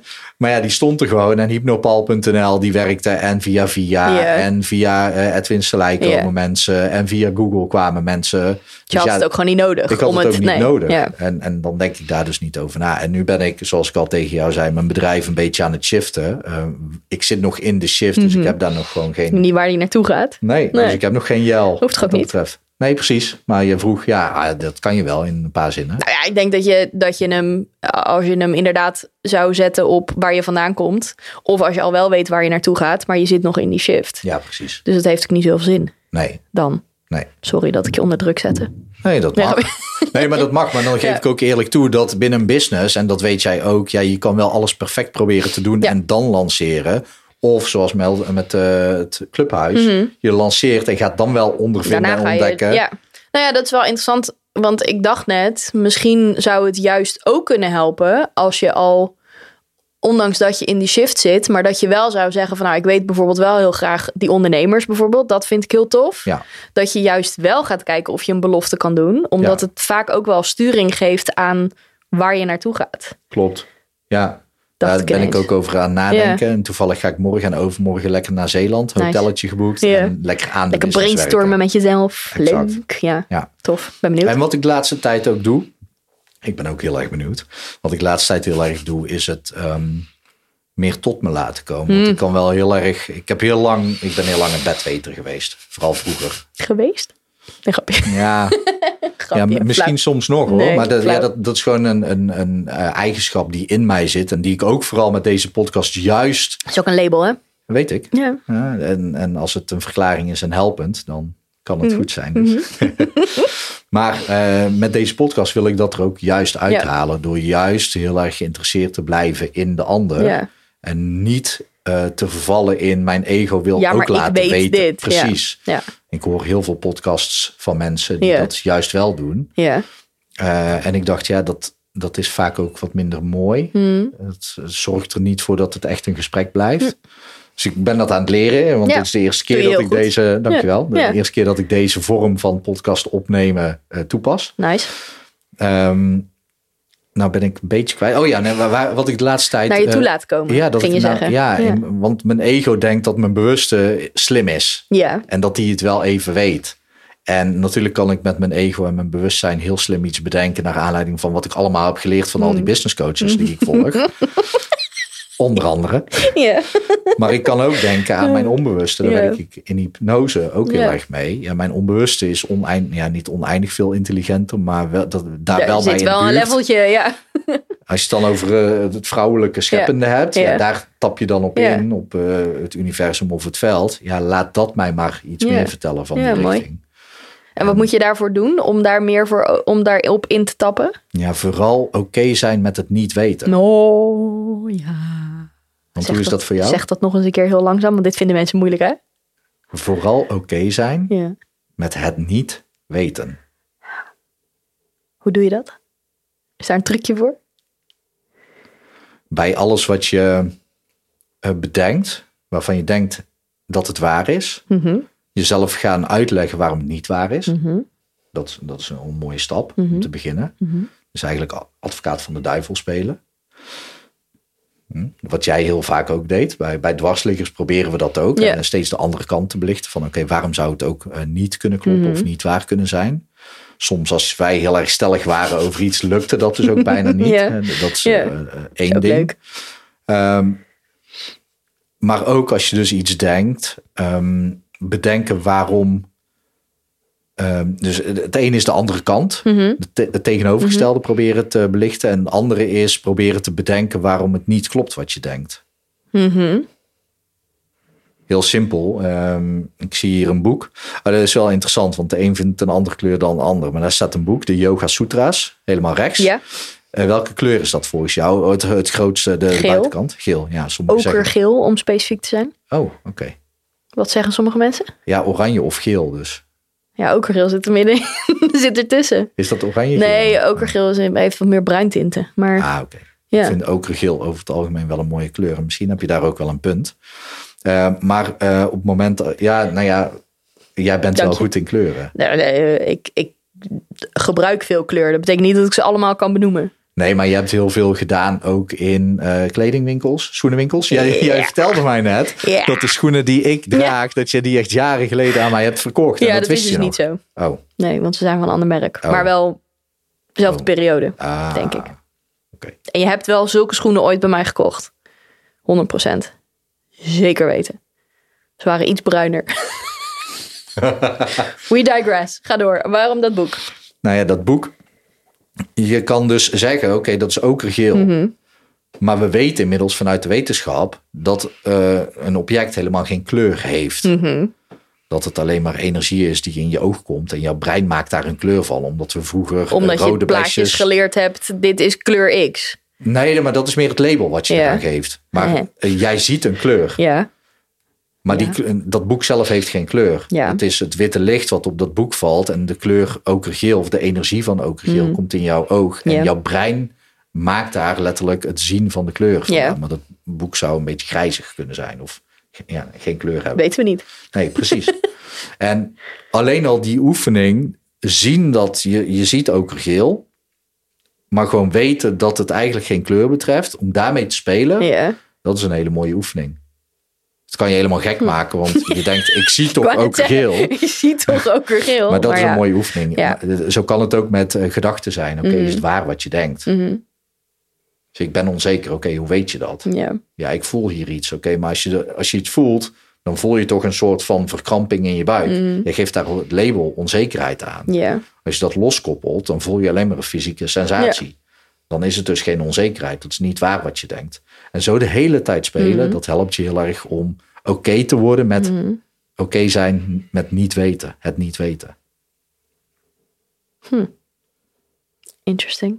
Maar ook als jij bijvoorbeeld denkt, nou, ik ga vandaag lekker eh, niet vanuit huis werken, niet op kantoor zitten, maar ik ga in de stad een kopje koffie drinken. Ja. Ga naar de stad fietsen, zonder te bedenken, ik ga naar eh, sowieso of naar de Chocolate Company of naar de Bagels and Beans of weet ik het wat. Dat je gewoon gaat fietsen en opeens breng je je voeten je ergens in. Dat je denkt, oh, nou, dit is een mooie Nou, plek. blijkbaar gaan we hier naartoe. Ja. Ik noem maar iets. ja, blijkbaar zijn we hier. Leuk. Ja, Ja. dus oké zijn als je weggaat met het niet weten. Ja.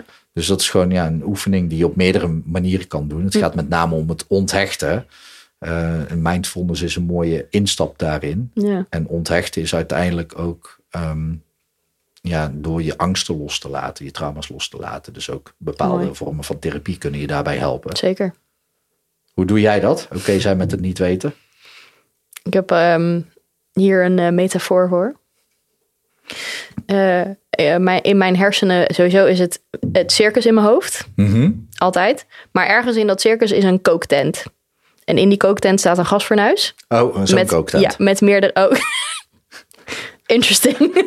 een restaurant. Maken, laten we dat ervan maken. Ja. Maar daar staat een gasfornuis. En in dat gasforn, op dat gasfornuis zijn meerdere pitten. Ja. En een van die, je hebt zeg maar met alle pitten waar ik mee bezig ben, staat op het grootste pit en dan nou, dat. En, eh, en een beetje proeven en een beetje dit en een beetje zo. En op mijn achterste pitje, Ja. daar kan ik dingen parkeren. Waar ik dan zo heel af en toe even aan snuif. Zo. Toen gaan we weer. Dit gaat helemaal aan de ruik. Eh, en dan een beetje, oh ja, dit moet nog een beetje dat en dan moet een beetje zus. Maar eigenlijk pruttelt dat gewoon maar lekker door. Ja. Ik leg het gewoon letterlijk even in de week. Of ik laat het even pruttelen. Mhm. En dat takes the time that it needs. En op een gegeven moment denk je, hey, dat gerecht is klaar. Ja.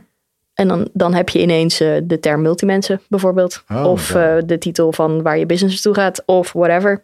Oké, dus en, en dat doe je dan met name met dingen waar je eigenlijk over aan het nadenken bent. Wat gewoon zich bezig houdt in je brein. Dus Ja. ophoudt eigenlijk. Ja, Jou ook ophoudt. ja absoluut. Of dingen waar je niet uitkomt. Of dat het, dat het Ja. soort van op een gegeven moment gaat frustreren. Van waarom weet ik het nou nog steeds niet? Ja. Ja, dat heeft ook te maken met loslaten. Het even, Ja, even je handen ervan af. ja, Even laten, laten marineren. ja.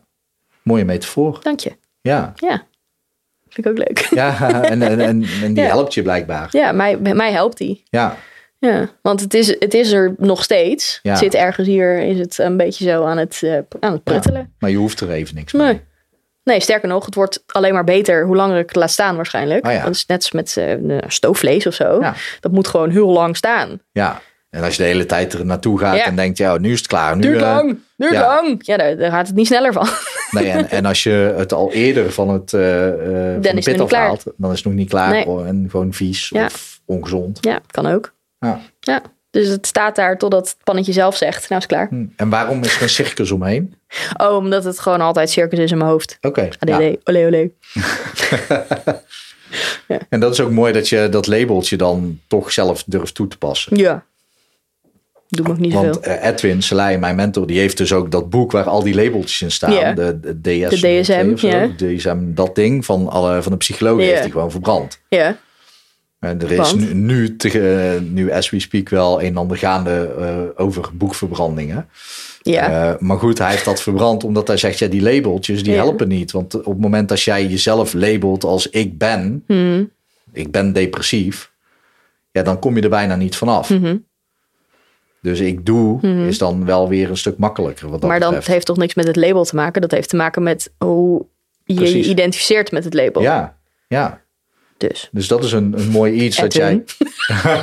Sorry. Nou ja, hij, hij heeft niet voor niks het boek ook geschreven. Je hebt het niet, je doet het. I know. Je, je doet business coach Ja, klopt. en je doet ADD. Ja. Ehm, als je dat wil. Ja, Je hoeft het ook niet toe te passen natuurlijk. klopt. Want zou je daarmee ook oké zijn met het niet weten? Of ik ADHD heb of niet? Ja, of welke labeltje bij je hoort. Want dat is natuurlijk de volgende stap. Want jij zegt, ja, binnen een multimensengroep heb je dan de labeltjes. Ehm, maar oké zijn met het niet weten welk labeltje je bent, is dan een hele moeilijke stap. Hè? Nog een keer. Jij zegt nu, oké, eh, mensen komen in het multimensen clubhuis, Ja. die doen een of andere assessment. Ik weet niet of dat, dat, er dat al in zit. Wordt aangewerkt. Ja, cool. dat, dat dacht ik al. Ja. Daar komt uitgerold, oké, jij bent Phoenix. Ja. Maar eh, dan kan je ook heel erg gaan vastklampen daaraan. Ja, maar ik ben Phoenix. En eh, oké zijn met het niet weten. Ja. Ehm, waar, wanneer kom je daar dan? Poeh. Ehm.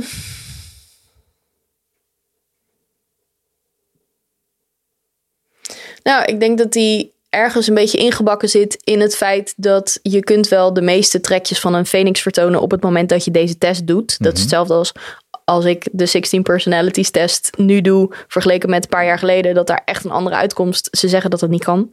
I proved them wrong.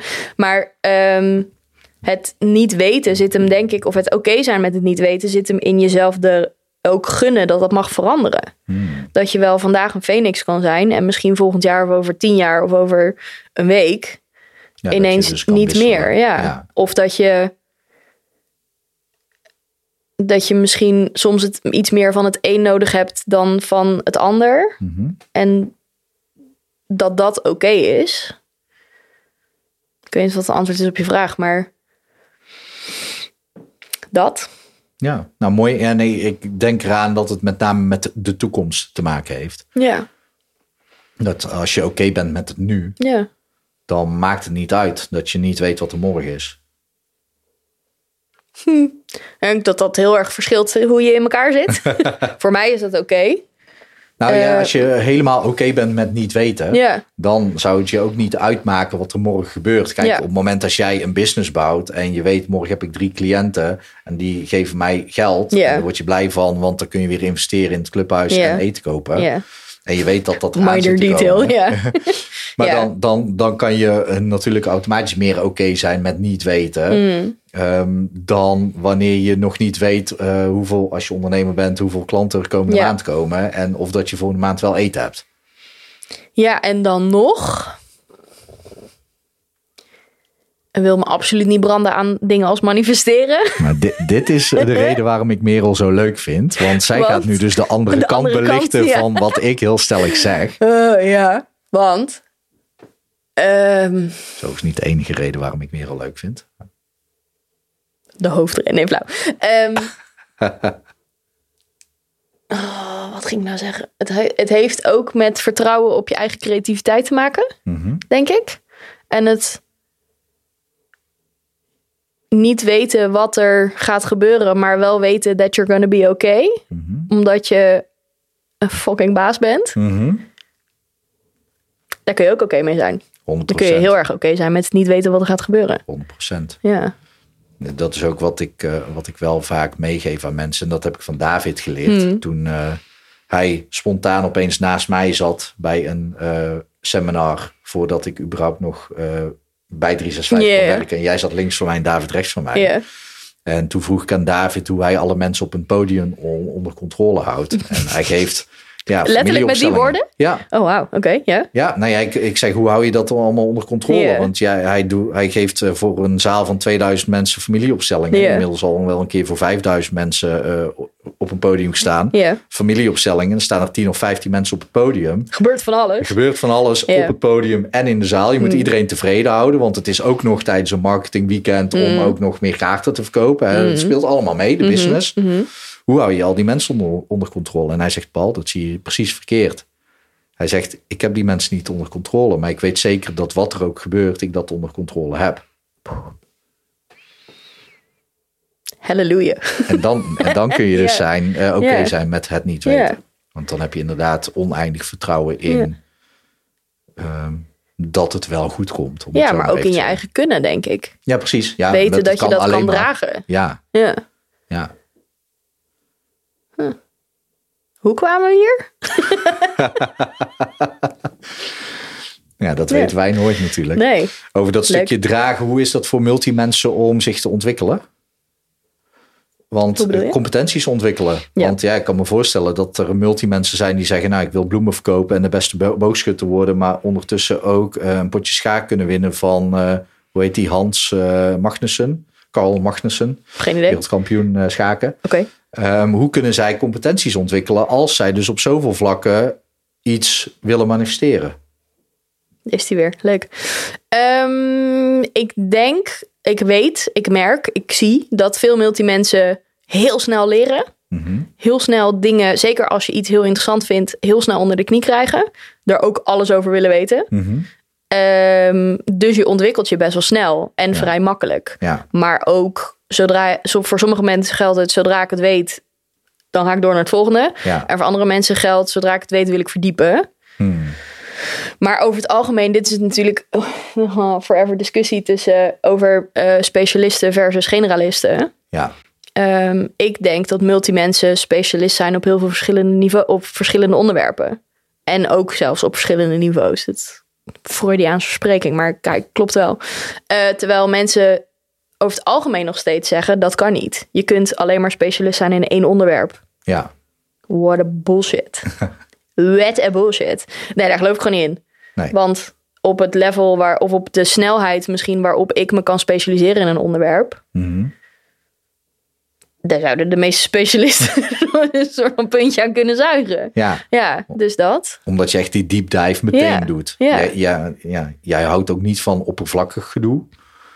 Ook, maar... Nee, maar ehm, hè, op ja. het moment dat jij je ergens in gaat verdiepen, Ja, dan ga je letterlijk diep. Ja. En meteen ook. Ja, in plaats van dat je eerst, en je bent ook eh, van het aanpakken en, Ja. en ook het snel neerzetten. ja, En dan moet je ook wel snel Ja, leren. ja. Daarover gesproken, Ja. over die breedte. Ja. eh, want jij hebt een multimensen clubhuis en daar, vanuit daaruit je business. Mhm. Welke passies heb jij nog meer dan? Wat doe je naast het multi... Wat zei je? het onderwijs. Het onderwijs. Ja, ik heb dat nu even op een laag pitje gezet. Maar dat is wel, misschien niet voor dit jaar, maar voor komend jaar zeker wel iets waar ik weer aandacht aan wil gaan besteden. Ik zou heel, ja, ik vind het gewoon heel leuk. Ik heb het heel lang gedaan, trainingen gegeven. Nou, hebben we samen ook gedaan met UWC natuurlijk. Ja? Ehm, daar zou ik wel echt nog iets meer mee willen. Wat doe je bij UWC? Nu niet zoveel.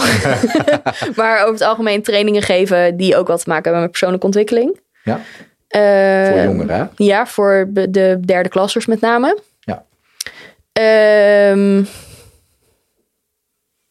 ja. eh, huh? Sporten, dansen, eh, sociale dingen doen, schrijven. Maar dat heeft, er zit, op dit moment zit er zoveel van wat ik graag doe, kan ik kwijt in mijn business. Dat ik dat moeilijk vind om dat los te zien als, als losse entiteiten of zo. Mhm. Want ook onderwijs, bedoel, I teach op, de, op een bepaalde manier ook nu al. Ja, En dat hoeft niet per se in een klaslokaal met derde klassers. Maar het gaat om het iets teachen. En schrijven is daarin hetzelfde. Eh, borduren. Grote hobby. Lang niet gedaan. Interessant. Eh, ik lees veel op dit moment. Ja. wat lees je momenteel? Vier boeken tegelijkertijd. Wil je ze met de titel? Eh, nou ja, als je Ja. ze precies weet. Nou, ik ben Radically Content aan het lezen van Jamie Varon. Ken ik niet. Heel in, ik ben er echt vanochtend in begonnen. Dat is interessant. Gaat over het unlearnen van een heleboel dingen die we hebben gelearned. Waardoor we denken dat we alles moeten doen om gelukkiger te worden. Terwijl je kunt ook heel content zijn met je leven als je dat allemaal unlearnt. Mhm. Heel interessant. Fascinerend. Fucking goede schrijfster ook is zij. Ik ben... ehm, ik weet even niet hoe dat boek heet. Maar dat gaat over geld. Mhm. altijd iets aan het lezen over geld. Eh, hoe heet het boek? Weet ik niet. Kom ik op terug. Je bedoelt Eh, niet eh, Profit First. Nee, nee, nee. Oh nee, nee. Rich Dad, Poor Dad. Ook niet. Heb ik ook gelezen. is ook leuk. Goed boek. Nee, dit is van een... ehm, zij heeft her, her first 100k op TikTok. Mhm. Zij is best wel een huge, huge persoon op TikTok. En dit gaat dus over hoe ze dat heeft gedaan. En hoe je... Oh, cool. eh, oh, money mindset, allemaal dat soort dingen. Zit dat je is ook tof. op TikTok? te scrollen. Ja, Oké. ja. Nou, ja, pfoe, jij zei dat net ook. En toen dacht ik, ja, moet ik misschien toch ook wel een keer iets mee. Maar daar hebben we het. eh, ik ben wel benieuwd hoe, dat, hoe die ervaring voor jou is. Ja. Ja. Daarnaast ben ik eh, altijd s'avonds een uh, flutromannetje aan het lezen. Mhm. Of een, eh, op dit moment ben ik een. Ik heb het. dat ik dit hardop ga uitspreken. Ik heb het genre cozy crime ontdekt. En dat is zo kut als dat het klinkt. Het klinkt als knuffelmoord. Dat is het ook. Het gaat over een mevrouw die haar leven heeft omgegooid. En die gaat ergens een antiekzaak beginnen. En ondertussen losse moorden op. Oh, Maar ze heeft ook een puppy. Het is heel. een multimens. Ja, ja. misschien is dat waarom ik het zo leuk vind. Ja. Ehm, dat. En ik ben nog een boek aan het lezen wat een klant van mij heeft geschreven. Eh, dat gaat over online eh, volwassen worden. Mhm. Wordt nu eens volwassen heet het. En ehm, zij zetten zich in om het MKB te helpen eh, digitaal volwassen te worden. Oh, Daar heeft hij een tof boek over geschreven, dus dat ben ik ook nog aan het lezen. Leuk. Ja, vier boeken tegelijkertijd staat nergens op. Nou ja, dat doe ik niet handig, meestal. Ik denk dat er heel veel mensen Ja. zich daaraan kunnen relateren. Ja, ja. ja. Leuk. En wat is het beste boek van het afgelopen jaar? Of afgelopen periode? Dat denkt, ja. Dat moet iedereen lezen? nou nee, ik denk niet dat voor iedereen Ik weet, ja, ik weet dat antwoord. Alle multimensen sowieso moeten dit lezen. De Middernachtbibliotheek. Ja? Wauw. Ja? Wauw. Ik wil het nog een keer. Ik wil nooit een boek nog een keer lezen. Dit wil ik nog een keer lezen. Oké. De Middernachtbibliotheek. Ja. Nederlandse schrijver? Nee. Eh, volgens mij niet. Keith Herrick heet hij, dus het klinkt niet Nederlands. Nee. Weet ik niet. Wauw. Ja? Ja. Maar eh multimensen moeten het lezen. Ja. Is het voor business? Is het Nee. voor... Nee, het, is, het verhaal gaat over een meisje die een ongeluk krijgt. Mhm. En die dan in de middernachtbibliotheek komt. Denkt dat ze in een soort coma ligt. Ja. Dat vertelt het verhaal niet per se. Maar ze komt dus in een soort tussenfase. Ja? Ze wil dood. Maar eerst, wil, eerst gaat ze nog alle levens proberen die ze niet heeft geleefd. Oh. My god, het is fantastisch. Ik denk dat ik daar wel iets over heb gehoord. Ja. Ik denk dat je het geweldig vindt. Ja. Want het heeft ook heel erg te maken met inderdaad het onderbewuste. En hoe ga Ja. je dan, hoe zit je in die fase en wat gebeurt er dan? En hoe kun je dan nog even snel je leven is flashed before your eyes. Maar al die levens flashen Mhm. before your eyes. Heb je zelf toen ook nagedacht over of dat er misschien een leven was wat jij niet hebt geleefd, wat je wel had kunnen leven? Ja, daar ben ik wel heel erg over na gaan denken, ja. En eh, zijn er eh één of meerdere uitgesprongen? Ja, Wil je iets delen? prima. nou ja, dit, dit is wel waarom het voor multimensen denk ik vooral interessant is om over na te denken. Maar ik denk voor iedereen in het algemeen. Je maakt natuurlijk altijd keuzes. eh, om wel of niet met dingen door te gaan. En zo heb ik bijvoorbeeld, ik heb de dansacademie gedaan, dat weet jij, dat weet niet iedereen. Maar ik heb de dansacademie gedaan. Ja. Eh, als ik in dat leven was gebleven, had het er nu heel anders uitgezien. Ja. Dan had ik misschien wel een eigen dansschool gehad. Of eh, deed ik we- wedstrijden of zo. Of gaf ik trainingen, whatever. Een heel ander leven geweest. Ja. Ja, en zo zijn er nog wel meer. ja, vooral als multimens Ja, inderdaad. ja, en dit is heel interessant om over na te denken. Want ik, soms mis ik dat het leven wat het niet is geworden. Mhm. Eh, maar dan denk ik erover na. Dan denk ik, jezus, een eigen dansschool. Nou, mij niet, mij niet bellen, alsjeblieft niet. Maar het is wel leuk om over na te denken. Want er zou wel...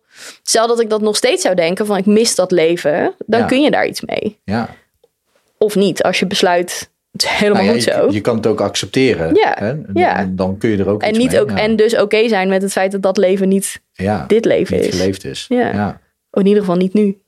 Mooi. Ja, en het is sowieso natuurlijk een eh, waarheid dat we allemaal een veel beter persoon hadden kunnen zijn dan dat we daadwerkelijk zijn. In de zin, als we alles op de juiste manier hadden gedaan. Ja, wat Dan- is- dat is toch heel relatief. Wat Ja, is de juiste manier? Nee, exact. Maar Ja. we, we zouden allemaal een andere persoon kunnen zijn. En Ja. we hadden ook veel meer kunnen zijn al. En dat is iets waar... Ja, maar dat is ik had als ik op school wel de VWO had, het VWO had afgemaakt, had ik ook nog een heel ander persoon geweest. Ja, precies. Ja. ja. Maar niet per, ik weet niet of ik het mee eens ben dat, we dan per, dat je dan per se beter zou zijn.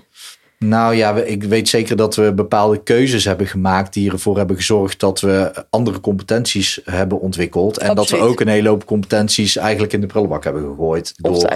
Ja. eh, bijvoorbeeld te veel te Netflixen, Ja. te veel te gamen, Ja. te veel eh, buiten te lopen schelden tegen anderen, te veel eh, bier Jij? te drinken. Nee, ik denk niet dat ik dat, ik dat Nee. heb gedaan. Maar Nee, ja. Hè? Dus dat er ook heel veel potentie nog in ons zit. En, en ik weet ook eh, dat heel veel mensen zich daarvoor afstraffen. En dit lijkt een beetje op hetzelfde. Terwijl dat dus helemaal niet hoeft. Nee. Je kan er gewoon oké mee zijn met wie je nu bent. En dit als startpunt zien voor wie je ook nog kunt zijn. Ja, maar Daar ook dat lijkt heeft ook bij wel mij ook wel heel lang geduurd hoor. Want ik heb ook wel lang gedacht, oh, is het eigenlijk zonde dat ik er niks mee heb gedaan? Ja, Dat ik precies. dat heb losgelaten. Ja. Ja. En dat is denk ik een heel mooi proces. Ja. Weet je ook nog waarom je dat hebt losgelaten of hoe? Dit was, dit was de Phoenix in mij die dacht, oké, gehaald, klaar mee, ik wil iets anders gaan doen. Oh ja. Ehm, en dat had heel erg te maken met, eh, ik heb gedanst vanaf mijn vierde. En ik was 23 toen ik mijn diploma kreeg, denk ik. Eh, en al die tijd nooit ergens anders naar gekeken. En ineens dacht ik, maar wacht even, de wereld is volgens mij veel groter. Ik ga het gewoon eens even een beetje, een beetje ontdekken. Ja. Nou, nu zitten we hier. Ja. dus dat, ja, dat was heel leuk. Is nog steeds heel leuk. ja. Ja, Gewoon echt het ontdekken. En eigenlijk dus ook wel weer die vrouwelijke energie van openen. En, ja ik eh, zie wel waar ik uitkom. Ja. Ja. en ook wat jij net zei, eh, heel mooi, dat vertrouwen. Dat je het Ja. vertrouwen hebt dat, oké, waar je ook uitkomt, it's gonna be good. Wordt wel leuk, ja. hoop ik. Denk ja. ik. ja, en als het niet leuk is, dan heb je Dan is het nog steeds vertrouwen om te switchen Ja, ook. En dan is is, ook het oké. nog steeds oké. Leuk. Ja. Is er nog iets wat ik niet heb gevraagd, wat ik wel had moeten vragen? Of wat je nog wilde benoemen of bespreken of roepen? Buiten de website waar mensen jou kunnen vinden. www.merellambo.com en Lam- of multimens.nl slash clubhuis. Oh ja, en Lambo is met Dubbel O. dubbel O. Oké. Dat zet jij vast in de show notes en zo. Is er nog iets van... Oh nee, ik doe niks aan editing of Oh. show notes. Ja, misschien eronder zal ik het wel typen. Ja, dat Doe maar. wel. Ja. Ik weet het niet. Nee, Nee, ik vond het leuk. ik ook. Ja, leuk om weer zo... Überhaupt leuk om jou weer een keer te zien. Dat was lang geleden. Eh, maar ook leuk om eh, geïnterviewd te worden. Ook leuk. Ja, Ja. gebeurt dat eh, soms, regelmatig, vaak? Dat mag wel vaker. Oké. Ja. Bij deze mensen. Ja, nodig mij uit. Vaker geïnterviewd worden. Nee, dat is wel grappig. Ja, leuk. Ja, ik vond Ja. het ook nodig. Ehm, bij ja, en me- mensen. Je vond het nodig dat ik geïnterviewd werd? Wat? Ja. Wat dan? Nou ja, omdat jij vaak ehm, de, degene bent in de lead en die andere mensen maar uitnodigt. Ja, ja, wel waar. Maar ja. het mag ook wel eens over jou gaan. En je bent een hartstikke mooi en prachtig mens die zoiets moois voor elkaar heeft gekregen. En Ja. iets moois heeft neergezet voor andere mensen die dus blijkbaar eindelijk iets hebben gevonden waar ze bij kunnen horen. Ja. En dat helpt hen heel erg. Ja. En ja, dan mag ook wel eens eh, Dankjewel. aandacht aangegeven worden. Ik kwam als geroepen. Ja, nou mooi. Dus eh, ja, mensen, wil je Merel, eh, Wil je Merel? wil je Merel, wil je Merel interviewen? Wil je Merel? Hier zit is ze. ja. Nee, merellambo.com met dubbel O of Ja. multimensen.nl slash clubhuis. Ja. Eh, heb je daar nog een aanbieding voor? Nee. Is er nog die zeven dagen Ja, trial? dat sowieso. Oh ja, nou bedoel ik. Ja, nee, ja, je mag sowieso zeven dagen gratis uitproberen. Als Ja. je daar nog... Ik, wanneer komt deze online? Volgende week ergens, denk ik. Ja, dan haal ik dat net niet, eh, denk ik. Maar als je nog even nog een weekje wacht... dan is de onboarding sequence ook helemaal weer on fleek. Oh, oké. Nou, dan wacht ik anders wel met Nee, dat hoeft niet. Dat hoeft niet. Maar kijk maar, hij is nu ook prima. Dus Hij werkt, want ik zit er ook in. Daarom, en ik werkt kreeg ook zeven dagen Alleen, het, ik weet dat het beter... Nee, het gaat ook niet om die zeven dagen gratis. Het gaat, ik wil dus een eh mailsequence opnemen met Mhm. filmpjes... waarin je dus elke zeven dagen een soort van... dit kun je in het Oh. clubhuis, dit, heb je dit al gezien? Want nu is het de deur is open, kijk maar. Oh ja. Ga maar uitzoeken. Oh ja. Maar ik merk dat dat voor sommige mensen niet werkt. Hmm. En dat ik ze daar dus iets meer aan de hand kan nemen. Oh ja. Dus als je graag er in het diepe wil duiken en het zelf wil uitzoeken, dan moet je juist nu erin. Ja. Want daarna krijg je heel veel vervelende e-mails. Ja. En we hebben het nu over, vandaag is Ja. het eh, 10 februari, Ja. denk ik. 10 februari. Ja, ik, ga vol, ik ben daar volgende week mee bezig. Dus dat, eh, Dus vanaf zeg eh, 17, 18, 19, 20 februari dan. eh, en dan is 2000. er ook een affiliate programma. Oh ja. Kei leuk. Oh, dan kan ik die in de show notes zetten. Ja, ja, nee, dan gaat hij ineens dingen in de show notes zetten. Mag, ja hoor, mag. Nee, er komt gewoon lekker merolambo.nl in te Nee, staan. Jij En, mag dat eh, in. Trouwens, je moet het in de show notes zetten. Oké, bij deze, ik, eh, ik ga die plaatsen dan. Zodra die hier is dan. Ja. Oké, thanks Merel. Ik Jij vond het echt heel erg tof. We gaan ook. het zo meteen nog hebben over Ja. Dwarsliggers, de podcast. Want die gaan we ook Stay nieuw leven inblazen. Wat, Ja. wat is dat dan? Want het, hij was afgebrand en we gaan hem weer opnieuw. Is het dan Het ook eh, is een beetje de surfer, hè? de surfer? Ja, Oké, dus we gaan surfen met uh, Dwarsliggers, de podcast. ja misschien wel. Nou, spreek ik je daar. Gezellig. Thanks. Oké. En eh, voor de luisteraar, dankjewel en houdoe.